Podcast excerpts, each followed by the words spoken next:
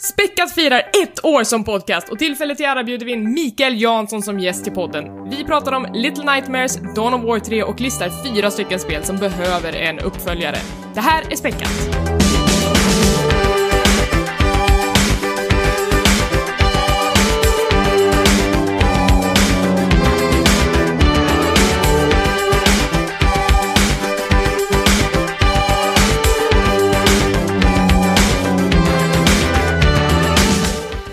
Välkomna till Späckat, en podcast om spel och allt runt omkring. Det här är det 29 avsnittet och det är inte vilket avsnitt som helst utan idag så firar Späckat faktiskt ett år. Jag heter...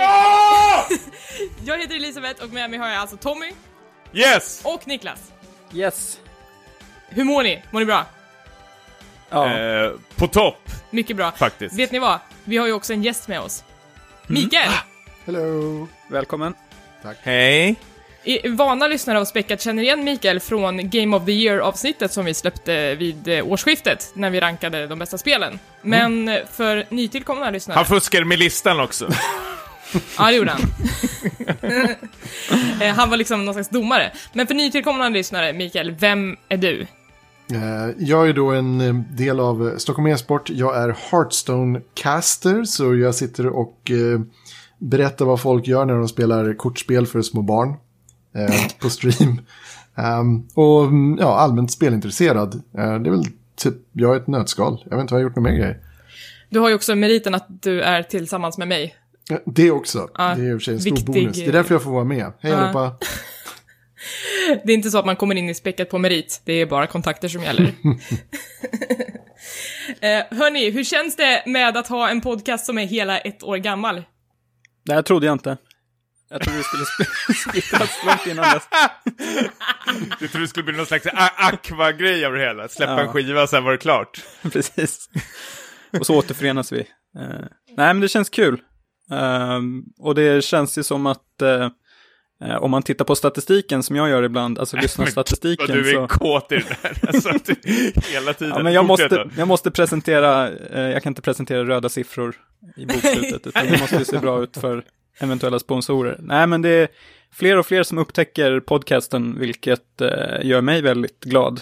Ja, det är så himla kul att, att så många vill följa med på den här lilla resan som vi har påbörjat. Mm. Nej, men jag tycker det är jättekul. Dels för att man har såklart fått eh, lära känna dig Elisabeth. Vi träffades ju via den här podcasten när vi skapade den och sen folk eh, runt omkring som har gästats och eh, ja, folk till folk om man säger så. Om man ska uttrycka lite slarvigt kanske. Men man har träffat många nya och spännande människor och lärt sig väldigt mycket på den här ett åren. Ja, och fler ska det väl bli hoppas jag. Vi lägger ner. Vi har också fått in lite eh, lyssnarkommentarer från förra, eller vad ska, förra avsnittet kan man säga. För vi släpper ju inte varje vecka utan det är ju varannan vecka. Eh, och förra avsnittet så hade vi en topp tre-lista som var storstäder som vi vill se avbildas i spel. Och då frågade vi på Twitter vad våra lyssnare tyckte om eh, liksom samma fråga och eh, vi har fått några svar. Vill... Eh, De älskade mina, mitt, mitt svar, eller hur? Eh, jag- inga kommentarer. Ni- Niklas, vill du kanske läsa upp en av dem? Mm. Eh, Anders Eklöv eh, säger att det skulle vara kul med Stockholm eller någon annan svensk stad. Och då fyller Per Landin i, i med eh, att han vill se survival horror i Säffle. Vilket inte är någon storstad direkt. Jag har varit i Säffle flera gånger. Det är en liten byhåla. Ja, men, men det Men så är ju säger han survival också att han vill- varje gång man är där. Ja, det är ju det. Jag försöker ta sig därifrån en, en Tänk pers. på den där Josh Hartnett-filmen, 40 Days and 40 Nights. Ja, så är det i Säffle. Karlstad Ja. överlag, eller Värmland överlag. Ska man säga. Josh Hartnett, jag har fått höra att jag ser ut som honom. heter den inte så då? Det så här 30 Days of Night heter det. Det andra är väl typ en romantisk komedi. Alltså, så, så kanske det Ja, just det. Men det är Josh Hartnett i båda i alla fall. en där han inte får ha sex och en där han ska överleva sexet, tänkte jag säga. Vi fortsätter. Jag ska vara tyst. Ja, Per Landin säger även att eh, Kyoto Edo i ett Assassin's Creed vore trevligt. Eh, och sen så säger han att vårt intro är otroligt peppigt. Eh, Tommy, det var ju du som upptäckte den här låten. Ja, för Pärlan ville veta vilken låt det var liksom, så att... Eh, spit it out. Ja, men det är från en av mina favoritgrupper, eh, YMO, Yellow Magic Orchestra, en japansk grupp. Eh, och låten heter Chaos Panic. Det är deras instrumentala låt eh, faktiskt eh, av den. Det finns en när de sjunger också som också är väldigt bra. Men vi vill ha instrumentalt så rotade fram en gammal LP från deras svåra B-sidor. Hallå? Men de har väl också lite spelkoppling, alltså lite så här spelljudeffekter och sånt i sina låtar ibland. Du tänker på så här Rydin och låten Ja, men och sånt där. exakt. Ja. Så det är inte helt långsökt. Nej, verkligen inte för det fanns ett gammalt svenskt TV spelprogram som gick på SVT vill jag minnas, Kontroll kanske det hette. Mm. Som använde väl den låten till och med som intro. Ja, just Jag har Sant. fel här. Jag tror jag känner Ja. igen det. R- Titta, Cirkeln är sluten på något sätt. cirkeln är sluten. Från Thomas Wiborg som spelar Monkey Ball på Kontroll till Späcket. Hörru, eh, skruvboll till Mikael, vilken storstad skulle du helst vilja se avbildas i ett spel? Jag tänker nog mer så här, um, lite mer drogliberalt, så lite så här fear and loathing i Linköping. What? Där man som typ substansförbrukande person ska försöka överleva en hel kväll i Linköping. Nej men... Är det här något etablerat i Linköping? Jag har aldrig hört talas om det här. Nej, jag vet inte, jag tyckte det bara lät så bra. Okej. Det är en otrolig mörk stad, särskilt i det här studentområdet Ryd. Jag blev nedtryckt eh, på marken av en vakt där. Eller de- de hade hyrt in skolelever som fick agera som vakter på någon klubb. Och så fick jag smaka på gruset senare på kvällen. För jag badade i något bollhav. Men det här låter ju som Fear, fear and Loathing i Linköping. vad, vad är gameplay i det här Linköpings eh, skildringen? Alltså, jag tänker mig lite mer så här Watch Dogs. Ja, jag tänker, och- om man ska ta från min, min erfarenhet så är det väl lite mer sån här skräckspelet Outlast. Outlast 2 har ju kommit ut där man ska, liksom ska fly från de här monstren. Och det är väl samma sak här, att du ska fly från de här tonårsordningsvakterna som jagar dig. Annars Ja. kan jag tänka mig typ så här Köpenhamn eller Legoland. Det vore ju något. Legoland, men är det ett legospel då? Nej, det är det det inte ska vara. Bara för liksom, så här, mindfuck liksom. Man bara, åh, kul, ett legospel. Och så bara, zing, det är det inte. Det är en politisk thriller. Eh, ja, why not? Why not? Eh, tack så mycket Anders och Per för era kommentarer. Eh, vi kommer ha en till lista idag. eh, så att vi kommer att kanske ställa fler frågor till lyssnarna, så att hör av er via Twitter sen, när det börjar dra ihop sig. Hörni, vad har hänt sen förra avsnittet? Niklas, jag har ju faktiskt eh, sett dig i vissa sammanhang på stan. Vad har hänt? Vad har ja, hänt? det lät ju inte så smickrande det där. Men, ja. Jo, vi har ju gått på konsert, två konserter. Inte tillsammans, men samtidigt. Ja, exakt. Det föll sig så. Så vi har sett Ghost och vi har sett Depeche Mode. Och eh, på den sistnämnda så sågs vi lite som hastigast innan och eh, ja, redde ut ett och annat kan man säga. Ja. Mm. Va? Vi har, vi, vi, Vad ska vi eh, göra av Tommy? Ja, Ja, precis. Alltså, när, när vi har spelat in det här avsnittet Tommy så kommer vi att bjuda farväl till dig. Eh, men det löser sig, vi tar det då. Och presenterar Micke som nya medlemmar. Ja, precis. På den sista lappen så läser vi Tommy. Tommy. Jag får sådana otroliga flashback från så här högstadiet när jag skulle bli vald i så här fotbollslaget. Samma grej där. Bänken igen Tommy. Men eh, Niklas, vilken var bäst av de här konserterna? Uh, jag tyckte nog att uh, Depeche Mode var snäppet vassare. Eh, jag har nog sett de båda banden bättre tidigare tillfällen, men uh, det känns som ingen av arenorna är så här optimal direkt. Hovet i Ghosts fall och Friends Arena i Depeche Modes fall. I synnerhet akus- akustiken där i Friends är ju ingen så här höjdare. Det blir lite grötigt emellanåt. ja. Usel. Mm. Håller med. Ja. Men var ni nöjda eller? Jag var nöjd med båda. Jag är ju stort Ghost-fan, men Micke är stort Depeche-fan. Så var du nöjd, Micke? Mm.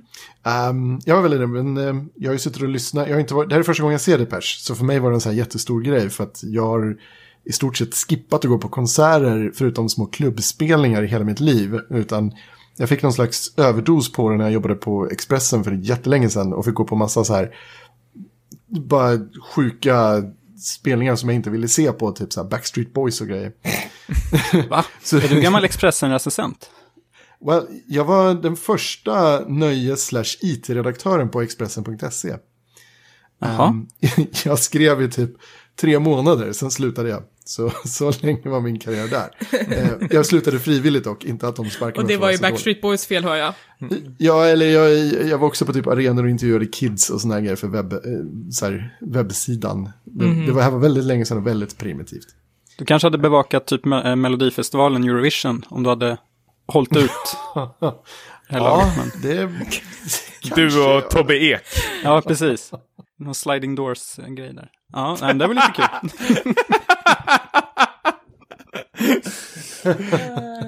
Eh, eh, på tal om kids, eh, jag har ju haft såhär några bisarra dagar på jobbet eh, nu. Det är att eh, det är en känd youtuber som är i stan. Det är Pewdiepie! Nej, inte Pewdiepie, utan det är, eller det är det här paret H3H3 Productions. Och de gjorde en vlogg där de sa att de skulle till Sverige och hitta på lite coola grejer och, och eh, folk började snabbt dra den här slutsatsen att det måste vara på Starbreeze för att vi släppte ett, eh, som aprilskämt, ett character pack med då Ethan i Age Free, Age Free som, som en spelbar karaktär i Payday. eh, så då har de bestämt sig för att ah, han ska åka och träffa dem.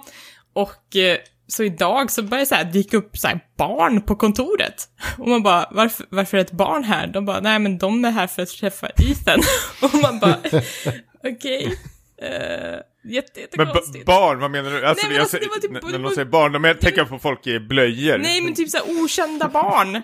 Det är såhär barn som ser ut att tillhöra någon men som inte gör det för de är bara där för att typ såhär, träffa en youtuber. Ja, men jag vet inte hur gamla de var för jag såg inte barnet, men det, det var ett barn i alla fall. Så, Pekar du på det och frågar det? Vad, vad är det här för någonting? Vems barn är det här? jag såg inte barnet. Var det grejen. Men vår receptionist var väldigt, väldigt så här förvirrad och bara så här, hur ska jag hantera den här situationen? Det sitter det barn i vår lobby och vägrar att gå. Eh. ja, men- Ja, fans. Och, och nu är det liksom till den punkten att jag bara, jag har ingen aning om vem den här youtubern är. Varför är det här så viktigt? Så att nu känner jag att nu är jag gammal. Jag vet vem Pewdiepie är, jag vet vem Markiplier är och jag kanske till och med vet vem så här, Jacksepticeye är, men det, min kunskap sträcker sig inte längre än så nu. Va- Var du tvungen att så här, panikkolla på hans YouTube-grejer liksom, för att få komma ifatt liksom, och sen bara oh shit, best of, googla på best of. Jag eh, försökte göra det, men sen fick jag jobb att göra så att jag hann inte. ja, Tommy, vad, vad, vad, vad har du gjort? Ja, förra avsnittet har vi pratat om den här flygrädslan, så nu har jag äntligen plockat ut mina sådana här, ol eller olagliga, de är superlagliga, eh, tabletter. Roliga, min, min läkare som jag var hos, han, han sa, ja men du, du kan väl skriva in det här också, du ska ju vara i Hässelby egentligen, men här är mycket bättre, du har ju fått tabletterna. Eh, jag känner så här, ja, jag skriver in mig då. Jag, jag får så dåligt samvete när de är så snälla och ber mig göra saker, jag bara skriver på allting känns det som. Så nu, nu är jag i en Brommaplan, men jag måste skriva av med det snabbt som fan, för jag orkar inte åka dit. Så det, det, det känns vä- väldigt skönt faktiskt. Jag har ju testat dem, de här nu eh, under inspelningen, så vi får se om jag bara rasar ihop här alldeles snart. Vore det så bra. Ja men det är väl så här lugnande och det bara svartnar för mig. Ja, precis. Vi får se vad som händer. Jag kanske kollapsar, då vet ni vad ni ska ringa. Men eh, jag har ju spelat eh, annars otroligt mycket. Jag har ju klarat Persona 5, eh, vi ska inte prata så jättemycket om det, men det känns väldigt skönt att ha liksom bytt från det här episka spelet till lite mer eh, småspel. Jag har ju spelat mer på eh, Switch, inte min egen dock, men eh, vi har ju spelat provspel här, Puyo Puyo och Tetris. Tetris, jag behöver inte gå så mycket eh, närmare in på det, men Puyo Puyo, de som inte först vet vad det är för någonting, för enklast förklarar så är det någon slags här Dr. Mario. Du får ner massor med sådana här eh, eh, slembollar i olika färger så ska du para ihop dem i max fyra i rad och så försvinner de och liknande. Men då har de liksom, det är ju någon slags mashup att du kan liksom spela det här eh, antagligen att du har liksom Tetris och Puyo Puyo i ett och samma bräde, vilket gör väldigt grötigt. Eller att du sitter och spelar Tetris i 30 sekunder, så säger den switch eller något liknande och så byter du bräde och börjar spela Puyo Puyo istället. Och det här är ju, jag vet, vi, jag, vi hade otroligt kul. Det här är ju ett perfekt eh, Switch-spel. Vi, de hade ju en sån här Pro-controller och så hade vi de här två styckna joypadsen vi körde med. Joypadsen funkar perfekt för det här eftersom det är så lätt. Det är bara att använda den här analoga spaken och sen A och B-knapparna för att liksom rotera på blocken och skjuta ner dem på marken. Eh, så det var ju, jag, jag vet jag gillar det verkligen, det är otroligt bra eh, partyspel faktiskt. Går väldigt snabbt undan. Sen fanns det ett story mode i det här och det uppskattar jag att det finns. Men... Story Damn. Ja, precis. Ja, men det är väl något single player mode, någonting att liksom, om man, om man är själv, eh, antar jag. Men det värsta är att, eller värsta, men det roliga här är att de har ju gått så otroligt in för att det verkligen är story mode. Det är så sjukt mycket text om Oh, så här Jesus. barn som ska berätta så här. Åh, någon snubbe kommer från rymden och han börjar prata med mig, vad ska vi göra? Vi spelar lite Tetris mot varandra. Men de babblar på så otroligt mycket, det är liksom jag vet inte, men det är så här Lars von Trier-dialoger, det bara sprutar ut en kvart och sen får man spela liksom. Men är det Lars von Trier-kvalitet på den också? det är väl inte lika mörkt kanske, jag vet inte, kanske, nå- kanske någon som så här björkhänger sig i slutet eller någonting för man förlorade Puyo Puyo-matchen eller någonting. Det vore ju rätt så starkt ändå, då hade jag fem plussat det. Men just nu är det väldigt så här Nickelodeon-dialog. Inget jag rekommenderar att köra solo mode. Däremot finns det ett online-läge om man nu skulle vara själv, vilket är eh, stora styrkan då, att man kan köra mot andra och det finns något eh, rankingsystem då, då. Så då kan man ju ja, tävla i det istället då om man skulle vara själv hemma. Men det, ju, det här är ju perfekt att köra med vänner och jag ser verkligen att man liksom tar med sig den här eh, switchen och sitter och småspelar mot andra. Bara liksom något att ta fram och spela några omgångar och sen plocka ner. Dock kan väl tycka att det är lite dyrt för vad man får. Det är ju liksom ett eh, Tetris, hur gammal är det? Det är väl, ja, du har ju liksom 50 år på nacken 200 år. minst känns som. Och ändå ska du betala. Ja, känns som det. Ändå ska du liksom punga ut liksom 500 spänn för det här, eller vad det kan kosta. 400-500. Ja, okej. Pengarna Känns ska rätt in. så saftigt för en sån... Ja, men eh, jag, jag, jag, samtidigt jag hade väldigt kul med det och rekommenderar det starkt faktiskt. Du får, ju mycket, du får ju mycket liksom story för pengarna också, får du komma ihåg. Ja, men det är väl det de tänker, typ. Shit, nu ska vi sälja åtta timmar story mode, typ. Sjukt mycket br- brödtext. Men, eh, jag vet, ni, ni har ju Switch och bor tillsammans. Hur känner ni för sånt här? Ja, Tetris jag, ju, eh, funkar ju alltid. Jag är sugen på att skaffa det. Jag skulle vilja ha liksom något mindre spel, för att det jag har är typ Zelda, det är långt och stort. Jag har Snipperclips, det är pyttelitet. Och sen så har jag... Åh, det där eh, jävla namnet. Snipperclips. Eh, och sen så har jag VOS som är då ett touchpad-spel och jag kanske inte alltid vill spela med touchpad. Och det jag har märkt, det är väl att, eh, jag vet inte, ibland så känns det inte helt intuitivt att köra touchpad only på Switch, för jag vet inte liksom vart jag ska ha den någonstans, när jag ska ha den i knät, ska ha den på bordet, det är ingenting som funkar riktigt. Eh, så att Puyo Puyo kanske är ett sånt bra mindre spel som man kan ha och köra om man har några minuter över. Jag, jag annars är ju, alltså vad gäller switchen, jag, jag har lite ögonen inställd på eh, Wonderboy eh, and the Dragon's Trap. Heter det så? Det Ja, det låter rätt. För det är ju egentligen det är en remake egentligen på ett gammalt spel som jag spelade ohyggligt mycket. Bara för att det var, det var så fantastiskt och storyn är... Ja, tyckte man då var underbar. Nu är det typ så här... jag tänkte, ska han säga fantastiskt igen här? Nej, det var, det var mer så här att det är en så här klassisk grej med typ så här, man bara åh, man är superstark från början, men sen förlorar man all sin utrustning. Och bara gud, det här var ju jättebra story. Sen typ 20 år eller 30 år senare och bara, ja, och det här var ju nytt. Det var ju jäkligt. Men det är, så här, det är som att man vill fråga Samus Aran, man bara, vem har gjort din dräkt och varför faller den i tusen bitar varje jävla gång du kraschlandar på en planet? Byt ingenjör. I det, här var, I det här fallet var det liksom, det här är ju en drake som har förbannat dig till, att bli olika former. Eh, men tydligen i det spelet, nu som sagt inte jag har spelat det, men jag har läst om det, så kan du swappa över, alltså det, det är ny uppdaterad grafik, så allting ser väldigt snyggt ut. Men du kan byta direkt tillbaka till retrografiken när som helst. Ah, Och det säger folk att det är en nice grej, men det gör man en gång för att sen typ byta tillbaka till nya grafiken. My eyes!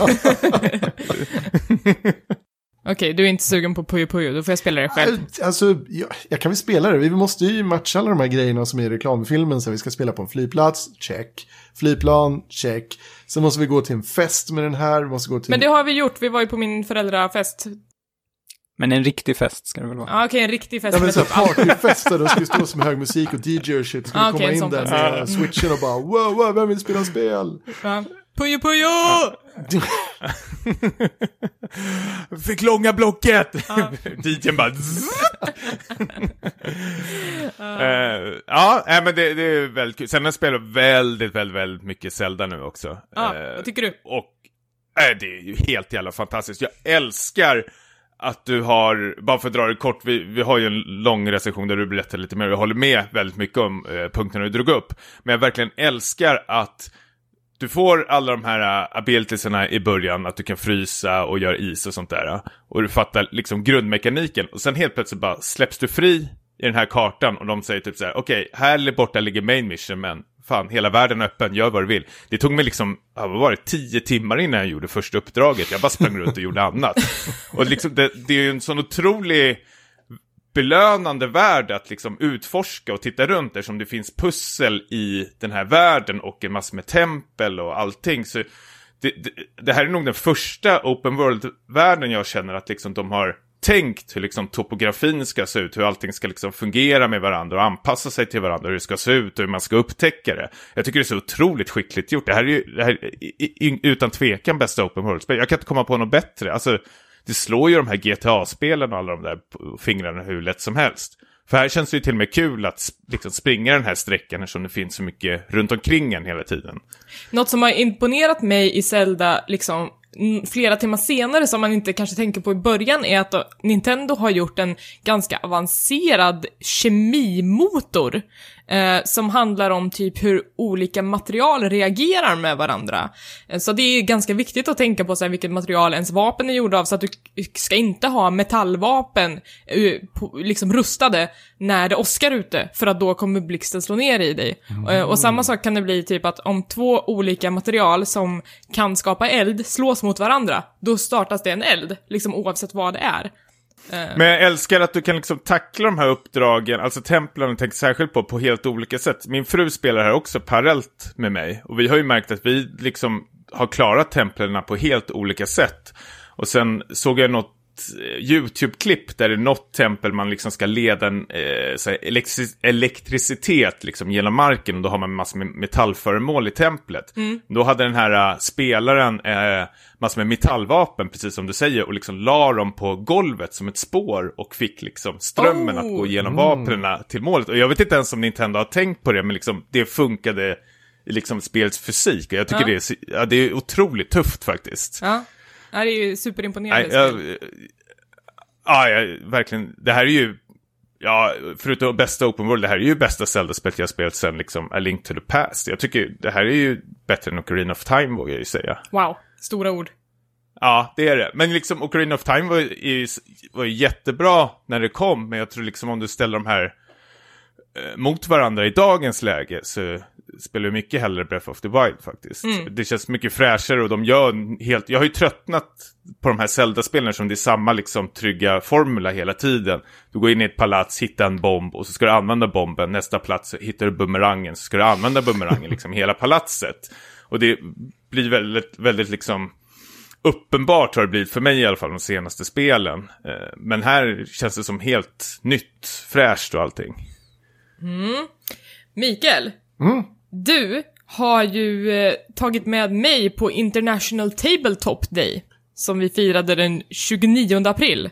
Precis, när det inte var tillräckligt med nördigt med tv-spel så tog vi det analoga spelet istället och eh, drog iväg till en pub, drack lite öl och eh, spelade tillsammans med lite andra vänner. Internet, fan vad mycket dagar vi har i år. Ja, men det- det är lite så. Egentligen, det är ingenting så här superunikt. Det är egentligen bara en dag där man ska typ spela brädspel med vänner och familj. Samlas och göra det.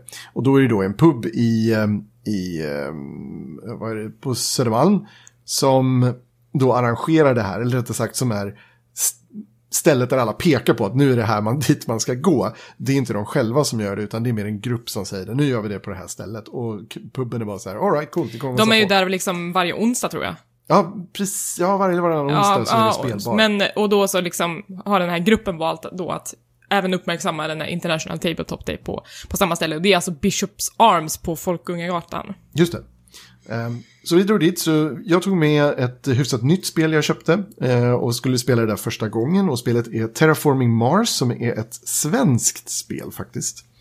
Ehm, som är väldigt, eh, jag kan säga väldigt uppskattat av väldigt många som är sådana här riktiga brädspelsgurus och nördar som har typ hyllat det här till skyarna och sagt att det här är typ det bästa som har gjorts på väldigt, väldigt länge. Och det var väl så att första laddningen av det här, alltså första utgåvan av det här spelet sålde slut väldigt fort. Ja, det, det försvann direkt. Så de var tvungna, eller tvungen, så de tryckte upp en jättebunt med nya spel och nu är de också slut. Men jag lyckades förboka och tog ett av de exemplaren då. Så att jag är en av de lyckliga få med Terraforming Mars. Eh, men det kommer komma flera såklart tills alla har varsitt.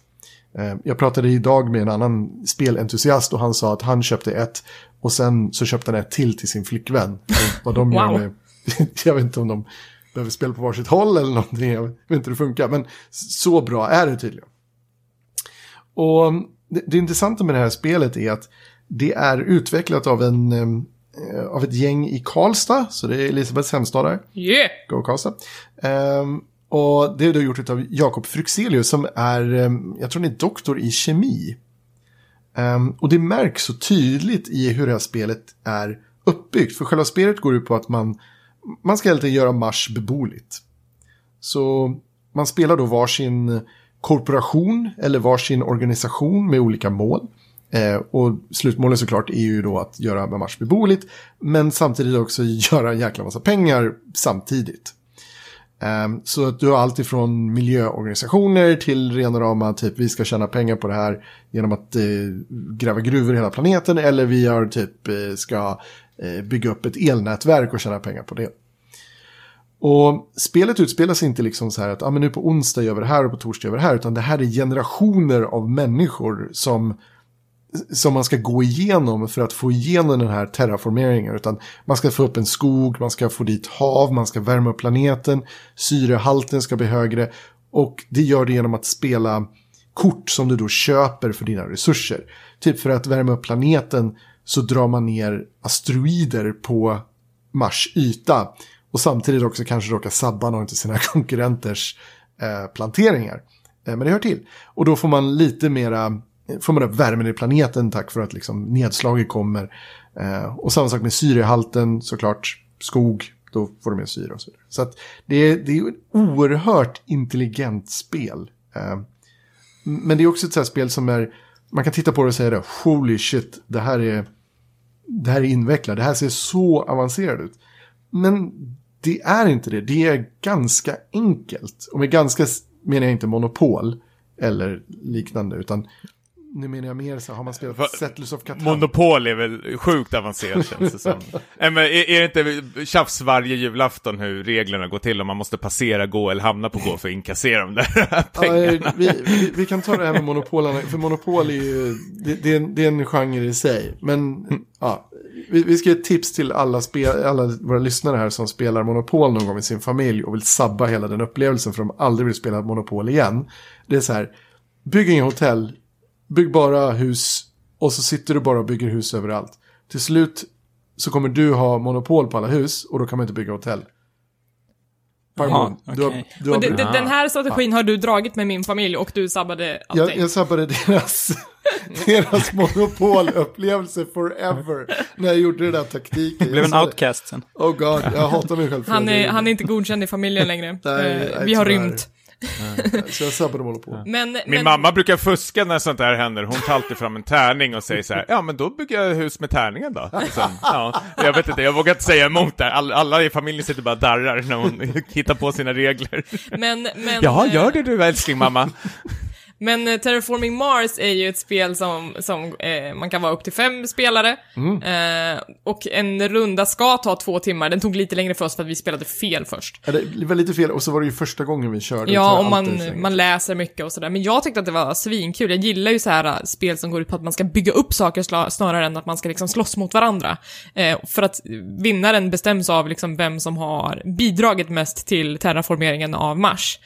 Eh, så jag tyckte att det passade mig Ja, alltså det är bra. inte så här, du krigar ju ingenting, utan du Nej. kan sabba lite grann för varandra, men inte så mycket. Men det hela går ut på typ att, ja men nu har syre alltid kommit upp till det här, men då kan jag spela ut de här coola korten som jag suttit och hållit på nu ett tag. Jaha, han har som strategi att göra det. Ja, men då kan jag lite grann piggybacka på det och spela de här korten. Så att det är ett, det är ett så tänkande spel som man måste tänka flera runder framåt för att Eh, planera sina runder och samtidigt att sitta och samla resurser som du vill använda. Så vill du typ bygga saker i rymden, ja men då behöver du aluminium. Vill du bygga saker på planeten, ja då behöver du järn.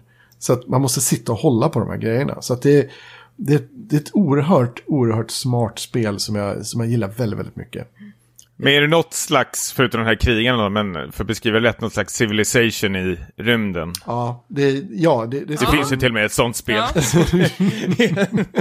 jag, jag vann, eller jag kom dela detta ska jag säga, eh, på att jag...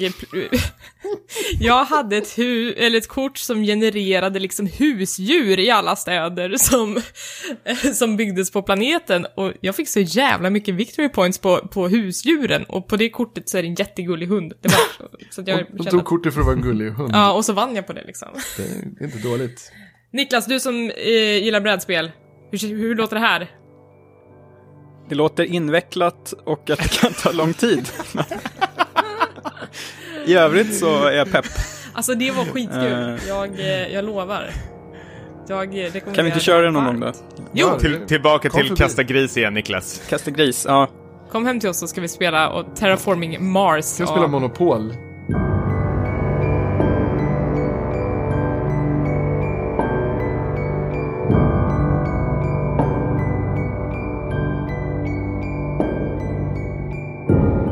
Går tillbaka till digitala spel och det som vi har spelat eh, kanske allra mest de här senaste veckorna så har vi ju först på listan Little Nightmares. Niklas, berätta. Mm.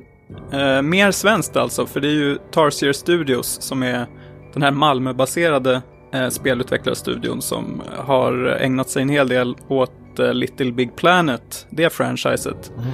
Men f- nu från ett Little till ett annat då i och med Nightmares, för det är en, eh, vad kan man säga, en 2D pusselplattformare. Eh, lite i stil med eh, Playdeads eh, spel som man kanske är bekant med, det vill säga Inside och Limbo, som vi väl har nämnt här i podcasten vid något tillfälle. Eh, och, eh, men det här är då mer skräckbetonat kan man säga, för man spelar ju som den här lilla flickan som eh, eh är fast ute på ett eh, fängelse som är ute till havs. Och eh, målet med spelet är väl egentligen att man ska fly därifrån. Och det gör man genom att man smyger sig förbi diverse vanställda figurer som verkar arbeta här på fängelset. Så det kan vara någon typ av vaktmästare, eh, kanske några kockar som jobbar i ett kök och så vidare. Eh, Deras gemensamma drag verkar ju vara att alla vill äta upp den här huvudkaraktären Six. Precis. Det är ju, eh, när man kommit en bit in i spelet så då börjar man nästan dra paralleller till någon typ av så här eh, riktigt så här vidrig Finlandsfärja där det sitter liksom eh, såna här riktigt feta figurer och som är helt utsvultna och bara liksom frossar och liksom lägger sig över bordet för att få tag i den här eh, lilla flickan då för att stoppa henne i munnen. Och det är, ja det är väldigt det känns inte som att man är så här sugen på, på någon så här Finlandsfärja-buffé efter. jag, jag, tror, jag tror du skulle säga att igenkänningsfaktorn var väldigt hög. Ja, men det är det ju också. Du vet hur det kan vara. Ja. Elisabeth, du hade spelat klart det här också. Jag spelade klart det idag, eh, och jag ser verkligen kopplingen till typ Limbo och Inside. Jag tycker att de är väldigt, väldigt lika varandra. Det är samma slags pussel. Eh, kanske inte riktigt lika timingbaserade som, som Playdeads spel är, men det kan handla om liksom att man ska försöka låsa upp olika vägar framåt. Eh, men, Så har vi eh, barn i huvudrollen. Ja, ja men precis. Och att ibland så jagas man av ganska otrevliga figurer. Eh, jag, jag tänker mig så här, den här känslan, ni vet, om man är, om man är eller har varit mörkrädd och man är ensam i en villa som kanske inte an, man, som det annars brukar vara folk i och det är släckt på nedervåningen och man ska gå upp för trappen och ni vet, man typ springer upp för man tycker att det är läskigt att det är mörkt Ja. bakom en. Alltså lite den känslan får jag av vissa av de här uh, Jaha. monstren. Jag, jag tror du menar släkt som är liksom släktingar. Nej. Bara, Nej, alltså det är det, ganska det, läskigt det, släktingar. det är mörkt, liksom. Eh, så eh, lite den Ja, men så känslan. där gjorde jag också när jag var liten. Sprang Ja. upp till övervåningen när jag var sist kvar. Ja, ja, men precis. Det, det är mycket igenkänning faktiskt. Eh, Skrikandes. eh, nej, Nej men jag, jag, jag, kan gilla att Little Nightmares lyckades liksom få tillbaks den känslan som man kanske inte har känt på ett tag i alla fall, speciellt inte nu när man bor i lägenhet. Um, uh, så det, jag tycker det är otroligt stämningsfullt, det är otroligt snyggt. Det, det liknar ju uh, kanske Limbo rent så kvalitetsmässigt, men det, det är lite härliga sombra färger. Jag, jag, tycker att man lyckas väldigt bra med att sätta en stämning i det här spelet. Um, mm. Men uh, samtidigt, jag är inte jag, var ju kanske lite ljummen till Inside och, och nu även till det här spelet, för jag tycker inte att den här sortens plattformar ger mig så himla mycket. Uh, Nej. Så jag vet inte, jag tyckte... Sen tyckte jag att slutet var väldigt snyggt. Det är ett kort spel, det, det är tre timmar långt. Uh, lite trial and error får man liksom handskas med, som drar ut på speltiden. Men, men uh, det var ett snyggt slut, det kändes tillfredsställande när man var klar. Jag, jag har inte hunnit spela klart, jag har bara spelat någon timme inligga. Men det, det, är inte lika... Det känns som både Limbo och uh, Inside var ju väldigt så här, eh, tunga metaforer och saker sånt man skulle läsa sig in. Men blir man, är det lite mer solklart här istället? Vad spelet vill säga tänkte jag mer på. Alltså jag vet inte riktigt vad budskapet är. Jag har läst någon typ av teori kring slutet eh, och tyckte väl inte att den tolkningen var så jättespännande. Jag har nog min, kanske min egen analys eh, som man kanske inte kan dra här, men jag är lite eh, inte helt nöjd med hur det eh, rundas av. För jag, jag, brukar inte klaga på att spel är för korta, men här känns det inte riktigt, jag tyckte inte att det byggde upp något bra för något rejält klimax, utan det var mer att det bara slutade ganska abrupt och att det inte riktigt han eh, under den här tre timmar långa speltiden så känns det inte som att det hann göra något så större avtryck. Uh, alltså det var lite, lite ljummet. Jag, jag, tyckte i början så kände jag mest att jag jämförde det med, ja, främst Inside då och kände att det här var inte lika vast. Men sen när man kommit en bit in och kommer i synnerhet till de här eh, Eh, kökspartierna så tyckte jag att det började kännas mer av ett, liksom, eh, att det hade en egen identitet. Men eh, det är just då när det börjar bli bra som det tar slut på något sätt. Så det, jag tyckte det kändes lite snöpligt på det sättet. Ja, nej, det hade behövts något mer. Som när Inside var ju, var ju väldigt duktig på att bygga upp en story med hjälp av liksom rekvisita och bakgrunder och pussel. Men jag kanske känner att lite mer Little Nightmares hade man sagt åh, det här är läskigt, det här är läskigt och det här är läskigt det här slänger vi ihop liksom i en följd. Och att det kanske inte känns supersammanhängande alla gånger. Alla beståndsdelarna är väldigt så här, kanske sky schyssta och fina och liksom bra utförda, men, men helheten blir inte riktigt, det knyts inte ihop. Jag som är, frågan, jag som är inte så här, alla så här korta spel, så här inside och så vidare, jag är inte så här superlockad för det liksom. Vad är själva liksom, vad, vad är USPen? Varför känner man så här att ah, det här, nu kommer ett nytt sånt här spel, det här ska jag pröva liksom. Vad är, vad, vad är själva dragningskraften? Varför man gillar korta spel eller? Ja, precis, eller den här typen som ja. är så De som är så superlinjära plattformare. För, ja. För mig har, är det väldigt skönt när man sätter spel någon slags, nu har jag ju både spelat Zelda och eh, Persona 5 sådana här riktiga stora episka spel. Så för mig att dra igenom ett eh, tre timmars spel så känns det väldigt skönt att man nästan kommer ner i varv om man vill fortsätta med sitt spelande. Annars tycker jag ju tvärtom att om man fortsätter med liksom ett hundra timmars spel om och om igen, då tröttnar man nästan på själva det här storheten i spelen. Mm. Och ja, de här Little Nightmares är ju mer kärnfullt. Alltså, det hade ju inte varit bättre ifall det liksom upp, börjat upprepa sig eh, och blivit dubbelt så långt. Men eh, det är väl mer det här att eh, det är inte, det, det stegras inte berättandet, utan det är mest eh, på samma lagom nivå hela tiden. Men också att de här spelen är ganska duktiga på att kanske ha lite mer abstrakta stories än de här AAA-titlarna, att det lämnar lite mer för egen tolkning, att man kanske tycker att det är skönt att man inte får liksom snabbmat levererat, utan att man tar några få timmar för att sätta sig och kanske, jag vet inte, fundera på vad handlade det här om egentligen? Uh, ja, exakt. Att det finns någon slags annan bearbetning bakom en kort spelupplevelse, men, men, den, men som ändå dröjer sig kvar i, i minnet. Så GTA behöver ju inte bearbetas, det, det lägger man verkligen på sidan. vad, vad har jag gjort de senaste 40 timmarna? Kört ja, bil? Och... det är det som är liksom funderingen. Betala lite horor på vägen, sen ja, credits. Vad har jag gjort med mitt liv? Lite så. Ja, um, ja nej, men, men som sagt för mig, det är ju fler sådana här spelar, desto mindre lockad känner jag mig av dem. Alltså jag är inte en sån som längtar till nästa sånt här spel. Eh, Nej. Det är inte Du en behöver genre inte en uppföljare till Little Nightmares. Nej, jag tycker att det var ett trevligt spel, jag är glad att jag har eh, kikat på det, men jag hade nästan kunnat eh, nöja mig med en Let's Play på YouTube. Mhm, så pass. Ja, Nej, jag, jag är väldigt intresserad vad det här ska ta vägen faktiskt. Som sagt, jag har bara spelat en timme och stött på första monstret, om, vi, om man kan säga så.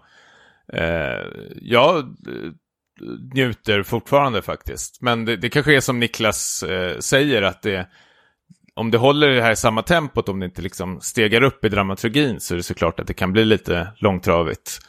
Eh, och särskilt om det slutar så abrupt som du eh, säger att det ska göra så, ja. För jag sitter ju och väntar på någon twist vet jag inte, men att det, det ska hända något extra. Det är såklart att ett spel måste alltid lägga i en ny växel hela tiden. Men, men eh, någonting som jag funderar på lite grann här är ju också så här. Spelutvecklarna försöker göra ett spel där de ska gestalta så här läskiga grejer som man liksom drömmer mardrömmar om. Och en, en, eh, vad ska man säga, en sammanhängande faktor i många av de här gestaltningarna är att, att de här monstren och karaktärerna som, som, är, som eh, liksom är ute efter huvudkaraktären är tjocka. Och man bara, är övervikt det läskigaste vi kan komma på? Jag tycker att det ibland känns här lite oskönt. Jag vet inte. Ehm, Ja, jag vet inte, jag har inte spelat, men vadå, åt de inte massor med barn? Eller jag fattar inte att de är Ja. Finlandsfärdiga grejen som Niklas började prata jo, om. men alltså det, det är väl någon slags så här, att det här frosseriet, att frosseriet är liksom det så här, det groteska och man bara, men är det... Ja, Jag vet inte, jag... Mm, jag, jag som kanske inte är normsmal, jag tycker att det är ganska oskönt att liksom, ja, de är onda, därför måste de vara tjocka liksom. Man bara, okej. Det kanske är som du säger Elisabeth, det här kanske är första spelet i någon slags så här Seven-spelserie. Första är Frosseri nu. Oh! Sen de kommer de gå andra igenom sex alla dödssynderna. Eh, ja. Ja. men det var, det var... Fem plus! God du! Här har vi något.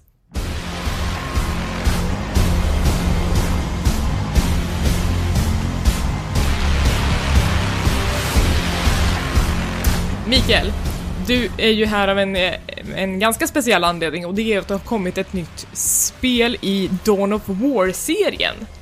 Och det här är alltså en serie strategispel i Warhammer 40K-universat och vi som inte har någon koll på det här, vi tänkte att du som har superkoll på Warhammer kan få, kan få komma och snacka om det, för du har ju också varit väldigt, väldigt hypad på det här spelet.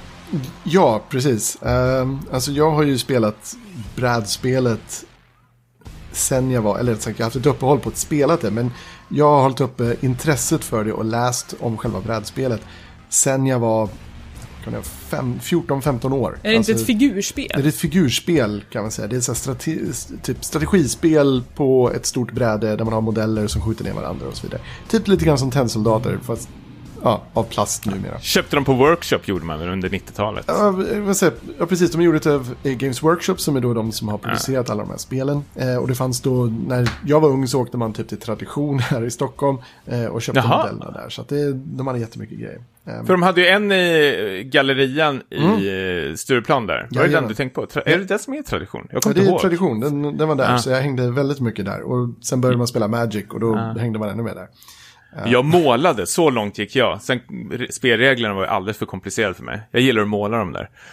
Ja, jag, jag, jag gillar också, målningsbiten är också en stor favorit. Eh, vilket kommer tillbaka till nu när man har börjat spela mer vanliga brädspel när det finns figurer med och då vill man jättegärna måla dem för att det ska se fint ut. Men jag, har inte, jag äger inga Warhammer-modeller just nu förutom mina jättegamla som jag och Elisabeth snart ska sälja på Nördloppis? Nördloppis. Ja. Eh, så är ni på Nördloppis Jaha. i Stockholm så kan ni köpa lite billiga Warhammer-figurer.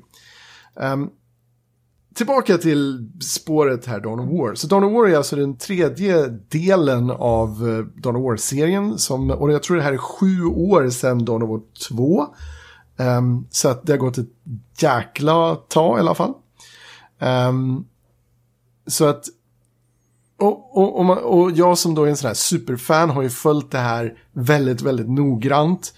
Och man har tittat på så här, vilken väg tar de, hur kommer det här göras? För det är väldigt viktigt det här med typ vilka eh, enheter som är med, vilka karaktärer som är med, vilka, hur man lägger fram det här världen och hur man tolkar allting. Översätter själva brädspelet till dataspel. Så då, jag satte mig ner och köpte det här spelet och brände igenom det på ja, kampanjen i alla fall på kanske tre dagar tog det. Eh, det är inte en, det är inte en jättelång kampanj. Ehm, men ehm, vad kan man säga så här, jag är ganska ljummen till det här efter att ha spelat igenom det. Ehm, och framförallt är att jag, jag vill ha mer. Det här var liksom inte, det här är inte nog. Eh, hur går, hur går liksom en match till i, eller för det finns ju dels kampanj och dels multiplayer. Mm. Påminner de om varandra eller är kampanjen mer skräddarsydd? Kampanjen är ju skräddarsydd. För alla som har spelat Starcraft så känner man eller alla RTS-spel som typ Red alert som känner igen det här i kampanjen är typ så här. Åh nej, någonting händer, så släpper du ner en modell, bang, bang, bang. Nu är det dags att bygga bas och fighta tillbaka det här. Och så ska man typ ta punkter. Eller så får man typ någon så här solospel där du har så här två karaktärer. Och så springer du runt och gör lite så här missions, öppnar grindar och låser upp grejer. Och hittar typ skådor stående på kartan och sånt där. Det, det är typ exakt så alla uppdrag är.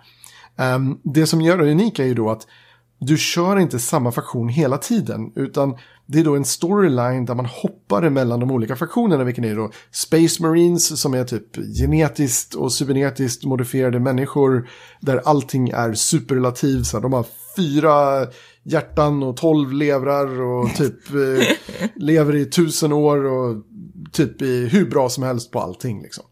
Eh, så de är, de är verkligen så här übermensch. Um, och storyn följer då ett specifikt kapitel utav eh, Space Marines som heter Blood Ravens och deras eh, eh, Chapter Master som är då Gabriel Angelos som har en väldigt mäktig röst och en väldigt mäktig figur då i spelet med en stor hammare. Eh, varav en attack som heter så här God Smasher eller någonting. Så att allting är over the top, kom ihåg det. det, är, det här är Warhammer 40K. Allting är grim dark och det är supermycket over the top. Um, så det är Space Marine. Sen har du också Eldar som är typ rymdalver. Uh, ledda utav Farseer Maka som kan typ, typ någon sån här rymdmagiker som kan kasta blixtar och shit. Uh, och sen har vi rymdorker. Så då har vi Gorguts som är eh, den, en av de listigaste orkerna i universum. Jag älskar att orkerna har fått till liksom spaceflight. De hängde med. Det, det här är en, det, orkerna i Warhammer-världen är en sån fantastisk grej. Alltså att bara så här, ja men vi kör eh, Sagan om ringen-orker fast i rymden. Med en twist. För i Warhammer-världen så är orkerna inte så här, ja men nu älskling, nu är vi en familj, nu skaffar vi ett barn. Och han ska heta Gorbgrug och typ ska bli härförare. Utan orkerna är egentligen svampar. Så de sprider sporer ja. som blir till nya orker under marken. Det här är, det är superabsurt. Det, det finns en hel sån här ekologi om hur orker populerar planeter. Och sen och måste vi också, vi måste också komma ihåg att det finns typ en miljard böcker i Warhammer 40K-universumet, så det, det finns, finns, mycket att ta av här. Det finns hur mycket lore som helst. Um, men själva orken har det att de, det, alla deras kunskaper är inprogrammerade i deras gener. Så de kan redan typ rymdflight och allting det där är redan inprogrammerad i vissa typer av orker som är väldigt bra på att mecka ihop saker. De vet inte riktigt hur de gör det. De bara stycker ihop lite delar och så funkar det typ. Uh, typ som jag när jag jobbar. Ja. Um, så det är, de, det är de tre faktionerna i alla fall. Och man hoppar emellan de här beroende på vad som händer. Och det är typ en stor händelse i rymden, det är folk förräder varandra, det blir konstiga allianser. Och det är väldigt mycket sånt där. Och hela den här kedjan av events känns så igen av alla Dawn of War-serier. För alla, det här påminner väldigt mycket om varandra. Att det blir lite så här man kunde i stort sett gissa slutet efter tre eller fyra uppdrag. Man sa, vänta lite. Det borde vara så här. Du har så, spelat det här spelet förut. Ja, det känns, det känns verkligen som man spelade förut. Och också det känns lite så här, det känns lite hafsigt gjort, om jag ska vara helt ärlig. För att även om basbyggandet är tillbaka, för att det fanns inte basbyggare i eh, Dawn War Retribution, för då försvann det. Men basbyggandet är nu tillbaka, men du kan bara bygga typ fem byggnader. Ingenting mer. Mm -hmm. Och... Jag, jag som, för, förlåt jag hoppar in här, många Nej. nyfikna frågor. här. Kör på. Jag, jag som är otroligt lekman i det här Warhammer 40K, hur känns det med låren och sånt där? Alltså jag tänker om någon som hoppar in nu och bara tittar på bilderna och säger så här, oj det här ser jättetufft ut. Kan man bara hoppa rakt in Kommer i det? Visst, det kanske har en gameplay. Ja, precis, för det är ändå två spel som man går miste om, plus som Elisabeth sa, det är ju massor med böcker och äh, ja, det är ju ett stort jävla epos det här har jag ju redan nu, alltså universum är det i alla fall, Ja. som det har hänt väldigt mycket. Är det, här- och liksom Dawn of War 3, är det något som liksom utspe- är det någon liksom prolog eller det mitt i eller är det slutet av någonting i det här universumet? Eller är det fristående Det, liksom? det här känd, det är typ lite Precis. så här, i, I slutet av förra spelen så var allting typ katastrof och explosioner och grejer. Och det här ska vara typ några år efter det. Och då är tydligen allting ganska nice igen. Men man får ju aldrig någon så här riktig förklaring till varför saker... Man får så här, ja vi är här bara för att vi blev kallade. Och ni är här bara för att ni vill åt en grej. Och orken är här bara för att de är orker. Det, det är lite så, så det är inget så här... Det är inget vidare djup i saker. Och så dyker det upp en till karaktär som bara heter typ så här Inquisitor. Jaha, men vad heter du då? Typ, har du ett namn också eller är du typ som Prince och Madonna eller vad är, själva, vad, är- vad är grejen liksom? Ja, men, rä- rätta mig om jag har fel, för när, alltid när jag tittar på de här Warhammer 40K så fascineras jag otroligt mycket av den här äh, artworken. Det är ju otroligt tuffa sådana här mex och allting de har och suits. Alltså allting ser väldigt tufft ut. Men känns det som de har liksom lagt mer eh, energi och tid på liksom hur allting ska se ut istället för liksom hur världen fungerar. Ja, storyn och låren och allting. Är det intressant story tycker du? Alltså storyn är väl sådär, men det de har, det de har fått till nu och som skiljer de andra är att de har typ, vad kan man säga, lite grann så här hero units. Lite grann som gamla Warcraft, att du hade typ så här unika hero units eller eliter som de heter. Det är bara att de här eliterna skalar, typ att du har kaptenen är ganska liten och så kommer det typ um, dreadnoughts lite grann i mitten som är hårdare, terminators och till sist så har du då typ en Imperial Knight som är alltså en gigantisk stridsmaskin med en pilot som typ i det här fallet i det här spelet då är, körs av en tjej som kallar sig för Lady Solaria som är typ hur badass som helst. Och den där är typ jättestor, den skjuter typ den här gigantiska maskingevär och raketer och grejer. Så att det blir så här eskalering i den här eliterna. Och det finns ingenting riktigt som kan mäta sig en mot en mot de här elitgrejerna, förutom andra eliter. Så när man kör multiplayer så blir det lite så här racea till att få fram elit och sen försöka skjuta ner en annans elit och sen avsluta matchen. Liksom. Så att det blir, det, det, det är lite så här, det är lite för tunnelseende jag tycker de har haft när de har utvecklat det här spelet på att så här, vi ska få eliten att se coola ut, vi måste ha med så mycket som möjligt och da, da, da, da. Att det känns som man har glömt bort de vanliga enheterna, de här smör och bröd som alla RTS är uppbyggda av. Liksom. Så att det, det, det, känns så här, det, det är som en eh, ganska fadd kopp kaffe liksom. Det kunde ha varit vassare och det kunde ha varit mer smakrikt, men det var lite mer så här, lite, lite blaskigt överlag tycker jag. Mm. Det låter som det gör ont i ditt 40K-hjärta. Otroligt bra upplösning. Ja, alltså jag, är inte, jag ångrar inte att jag spelade klart det eller att jag köpte det ens. Utan jag, jag ser det som en del i den här Dawn of War-sagan. Men det som gör mig lite så här hoppfull är att det finns jättebra support för moddar i det här. Um, så att jag tror ju att fans och modgrupper kommer kunna titta på det och säga det. Men vänta, vi kan nog göra riktigt häftiga grejer. Precis som de gör i Starcraft. Um, så jag hoppas att det, det dyker upp lite coola saker här nu. För att de har slopat lite grejer sen Dawn of War. De har slopat det som heter så här, det är deras Horde Mode som är typ survival. Att du kör en ensam hjälte mot vågor. Och så typ mellan varje våg så kan du då, eller när du har kört färdigt ett spel så får du XP och så kan du uppgradera din eh, hjälte liksom. Så att man bygger på det hela tiden. Och det var, det var en jättestor del av Dawn of War 2 och det var en jäkligt rolig grej. Um, men i eh, det här, då finns bara multiplayer. Eh, som folk säger är att det är nya Moba-multiplayer av någon konstig anledning. Jag vet inte om de inte har kört ett Moba innan eller vet hur det funkar. Men folk säger det att nu, nu är det ett Moba. Eh, av det enkla skälet att just nu finns ett, eh, vad kan man säga, en bas att förstöra. Istället för att du måste jaga ikapp den andra spelarens alla byggnader och förinta dem. Så kan du gå in i hjärtat av basen och förstöra, eh, så att säga, powercoren och då vinner man matchen. Eh, så det, det är tydligen så en Moba definieras, så I don't know about that. Eh, Nej, det känns som att det borde vara fler spelare, för man kör väl en mot en, eller är det... Är det Du kan köra tre mot tre. Ah, okej. Så det går att spela så. Och, och spelet är faktiskt, det är riktigt kul multiplayer. För det skiljer sig en hel del från typ Starcraft som bygger mycket så här, du ska bygga upp en makroekonomi och grejer. I det här fallet så finns det ingen ekonomi i form av arbete, utan det går ut på att du ska kontrollera punkter. Och ju fler punkter du kontrollerar, desto större inkomst får du. Men ju större armé du har, desto mindre inkomst så tjänar du för att alla gubbar har typ en liten upkeep som du måste betala hela tiden. Så det betyder att om du förlorar hela den armén så kommer du gå ner i antalet trupper men din inkomst går också upp så att du kan bygga tillbaka dem igen. Så att det blir väldigt mycket dynamiska strider i det här där du inte är så rädd att förlora eh, en hel del enheter för du vet att jag kan få tillbaka de här ganska enkelt bara jag liksom det här kan jag använda som en distraktion och slänga iväg mina enheter här medan jag faktiskt gör det här här borta istället.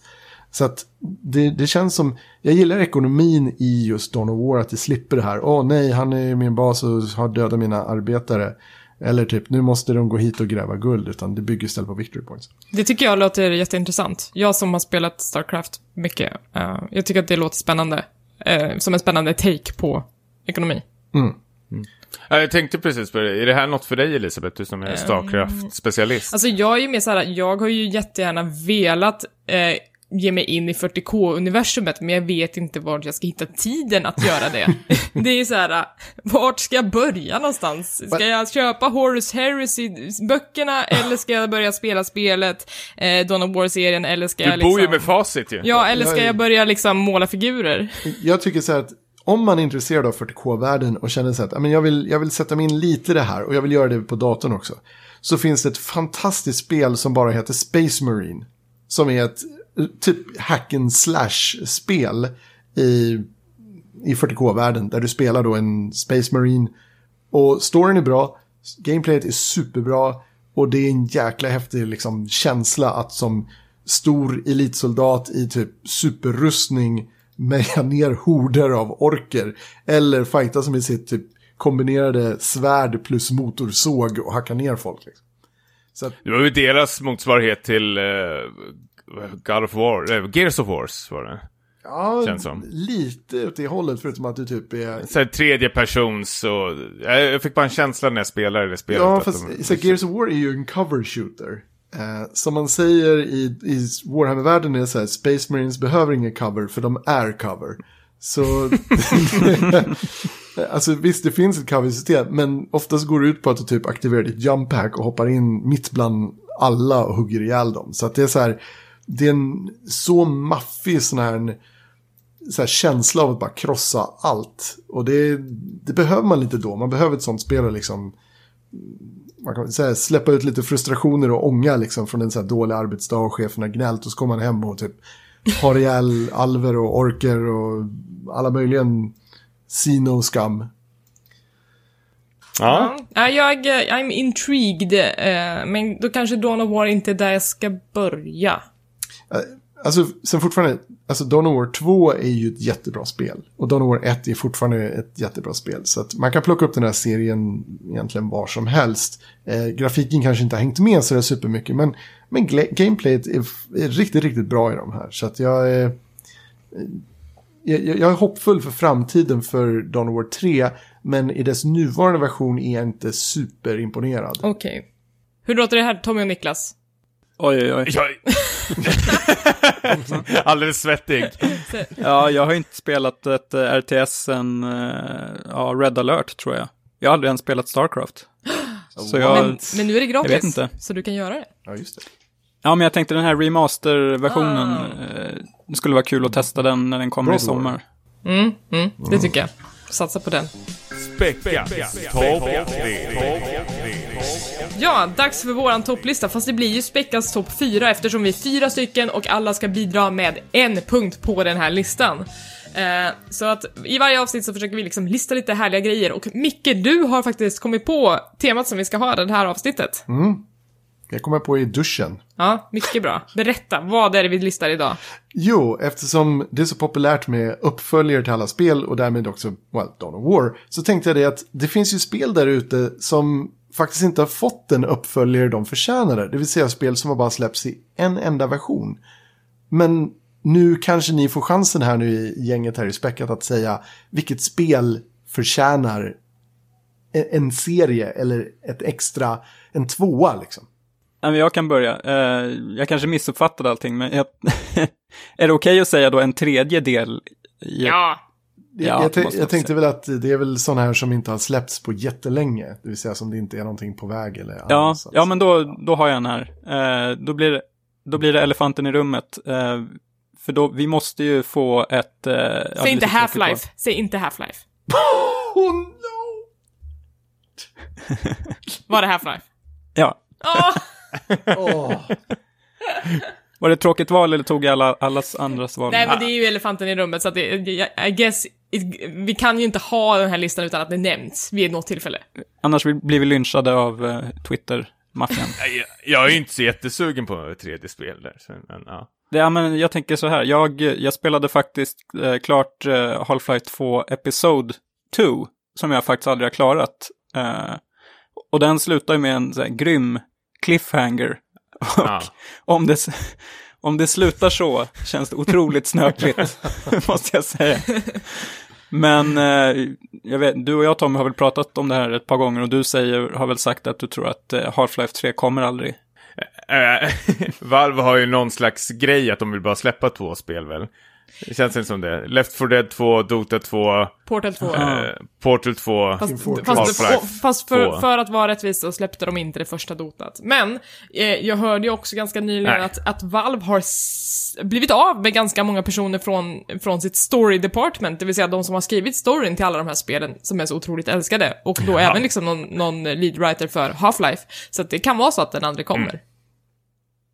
Jag kan ju komma in där på scen på direkten och säga app, app, app, app, app. Men var det verkligen storyn vi minns Half-Life över? Nej, det är så, så, är det ju. Det är ju, har ju kommit Jag känner att jag bryr mig inte och jag känner väl, det, det går väl att ersätta det där. Ja, ja, det det är så, sant. Jag vet inte, folk var ju helt så här rasande kändes som när den där nyheten gick ut. Så jag kände så här, ja, gud vad skönt. Kanske lite nya begåvade människor som får prova. Ja. Om det nu skulle komma en trea. Men jag, jag, tror alltså att för att Half-Life 3 ska lyckas överleva den här spelvärlden så måste de ju komma på, det är ju det säkert de har försökt i flera år, komma på något helt nytt istället mm. för den här Corridors FPSen. Det var ju väldigt mycket snack om ett uh, Open World ett tag. Uh, som skulle komma. Men det känns, det, ju, funka. det känns ju inte innovativt överhuvudtaget nu. Inte nu, och det är därför Valve är ju så... Om det nu skulle ha liksom haft det eh, under produktion så tror jag att de hade känt av då eh, att eh, nej, det här kommer inte funka. Open World är rätt så tråkigt nu. Ubisoft har förstört det. Så jag tror de verkligen vill, eh, om de nu ska göra det så kommer de nog ta otroligt mycket tid på sig och för att liksom hitta något nytt hur de kan liksom så här, få igång den här spelserien igen. Mm, jo, men så, så är det ju. Tror jag också. Mm. Så inte inom de närmsta åren. Men, eh, men det behöver likväl en uppföljare. Ja, men VR kanske? Half-Life i VR. RTS. ja. Jesus Christ. Ja, det är ju en genre som behöver lite återupplivning känns det som. Eh, jag kan eh, ta nästa spel. Mm. Eh, jag vill se en uppföljare till det japanska rollspelet som kom till Nintendo DS. The World Ends With You. Ett av, ah. ett av mina absoluta favoritspel skulle jag säga. Eh, det slog ner som en bomb för mig och Alltså, det känns som att det var ett spel som gick ganska mycket under radarn, men det är, det är Square Enix mm. och det är, utspelar sig, alltså påminner ju om Persona 5 rent estetiskt på många sätt och det hade en liksom eh, tuff spelmekanik där man, där man hade olika pins som hade olika krafter och sen skulle man rita på skärmen eh, hur man ville använda dem och det har... Otroligt coolt eh, soundtrack också. Ja, det, det var tufft, det var kaxigt det, liksom. Det finns till iPhone och Android. Ja, de har ju släppt en solo-remix eh, till, till iOS eh, som inte utnyttjar liksom båda skärmarna på, som, eh, som DSen gjorde. Um, så det kan man ju spela om man känner att man saknar det spelet och det ska jag nog göra vid något tillfälle. Men, eh, men en uppföljare, alltså och uppdatera det här spelet riktigt ordentligt till liksom dagens standard och kanske ta konceptet vidare. Uh, I would buy that shit så jävla hårt. Ja, jag backa tillbaks, eh, så det blir ännu ett eh, FPS-spel faktiskt som jag vill eh, återigen se. Ett som blandade väldigt, eller hade väldigt tydliga influens, influenser från eh, Ghost in the Shell, X-Files och eh, Blade Runner.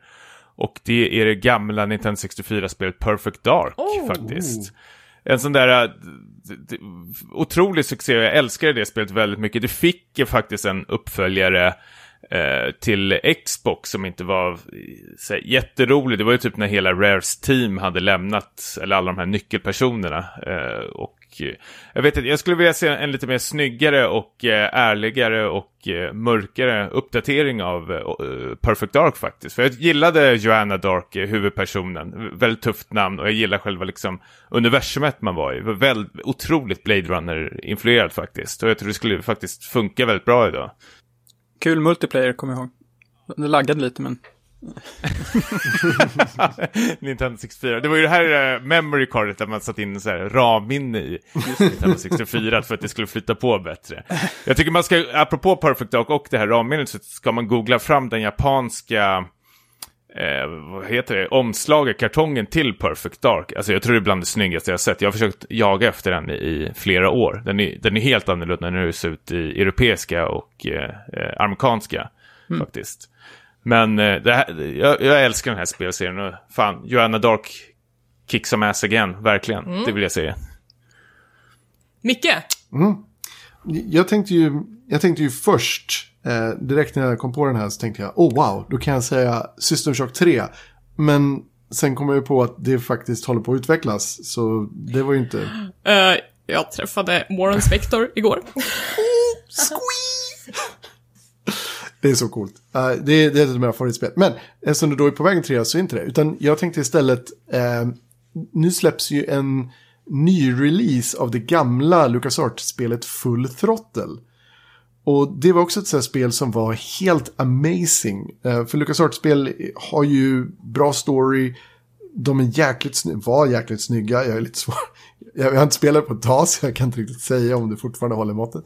Men jag gillade det så jäkla mycket för att det var, det var så tufft spel. Och det var sån stor skillnad mot andra LucasArts-spel. Att det var liksom så här, det var lite mer gritty och det var lite mörkt. Och det var motorcyklist och man slog på varandra med järnrör. Och, så det hade jag jättegärna velat ha sett en, en uppföljare på. Har du spelat eh, remaster-versionen som kom för typ en månad sedan? Det är det jag inte har och det var därför jag kom att tänka på det. Utan jag, jag kommer nog att skaffa det efter eh, den här podcasten och eh, spela det. Och hoppas att den fortfarande håller måttet här. De hade ju en uppföljare på gång ju, eh, till det spelet. Ja. Eh, efter de hade sparkat he- hela teamet kändes som. Jag tror de gjorde uppföljaren utan eh, Tim Schafers eh, godtycke. Utan det var LucasArts liksom, eh, under deras sista tid som de liksom tog för sig och skulle göra någon uppföljare till det. Men då är fan, jag, man kan lyssna på podcasten Split Screen när de intervjuar en av skaparna som var med där eh, och utvecklade det. Men det var väl för mig att det skulle vara någon slags 3D-spel eller något liknande.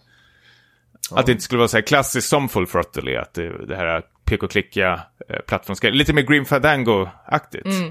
Om du förstår vad jag menar. Ja, se hur det gick för LucasArts sen då. Mm. Det gick bara ut för. Ja, det var ju... Så, att, mm, så egentligen med så här, två, två inställda uppföljare så kanske det är tredje gången gilt.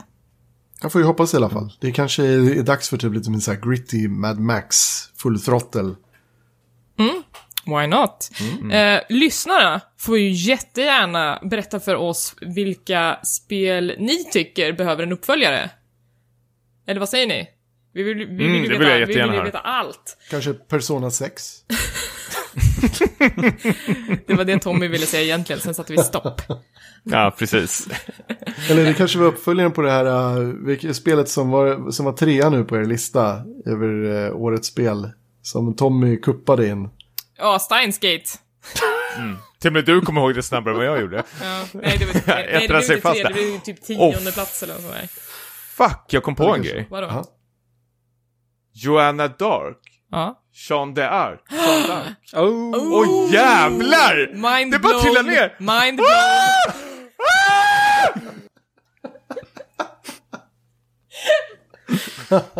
Hallå? Åh herregud, det bara trillar ner det! Är det så att det är? Det är klart det är. Det, det, det måste Ja, vara det så. måste det vara. Och jag svimmar! Pillerna börjar kicka in nu rejält nu. Okej, vi, Jäklar! Vi måste runda av snabbt. Eh, Men om lyssnarna då vill berätta för oss vilka spel ni vill se som en uppföljare, då kan man höra av sig till oss. Det kan man göra via mail.